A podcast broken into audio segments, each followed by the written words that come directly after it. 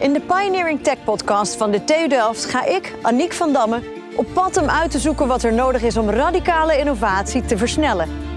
In de eerste aflevering ga ik naar Battleizer Systems, een start-up die battleizers maakt, een batterij die ook waterstof produceert. Uitgevonden op de TU Delft en die met behulp van de gemeente Rotterdam opgeschaald wordt voor heel Nederland. Luister nu de Pioneering Tech podcast. En toen dacht ik van, hé, als de stroomprijs hoog is, dan kan je vooral eh, stroom verkopen. Dus, goh, kunnen we die batterij die waterstof en zuurstof maakt, kunnen we die niet ombouwen tot een electrolyzer eigenlijk? Niet alleen het energieprobleem van Nederland oplossen, maar straks ook een duurzame industrie overhouden en exporteren naar andere landen. Investeer in Nederlandse bedrijven, investeer in Nederlandse kennis. En zet daar gezamenlijk de schouders onder. En kijk ook hoe je dat kan mogelijk maken en hoe we dat met elkaar kunnen versnellen.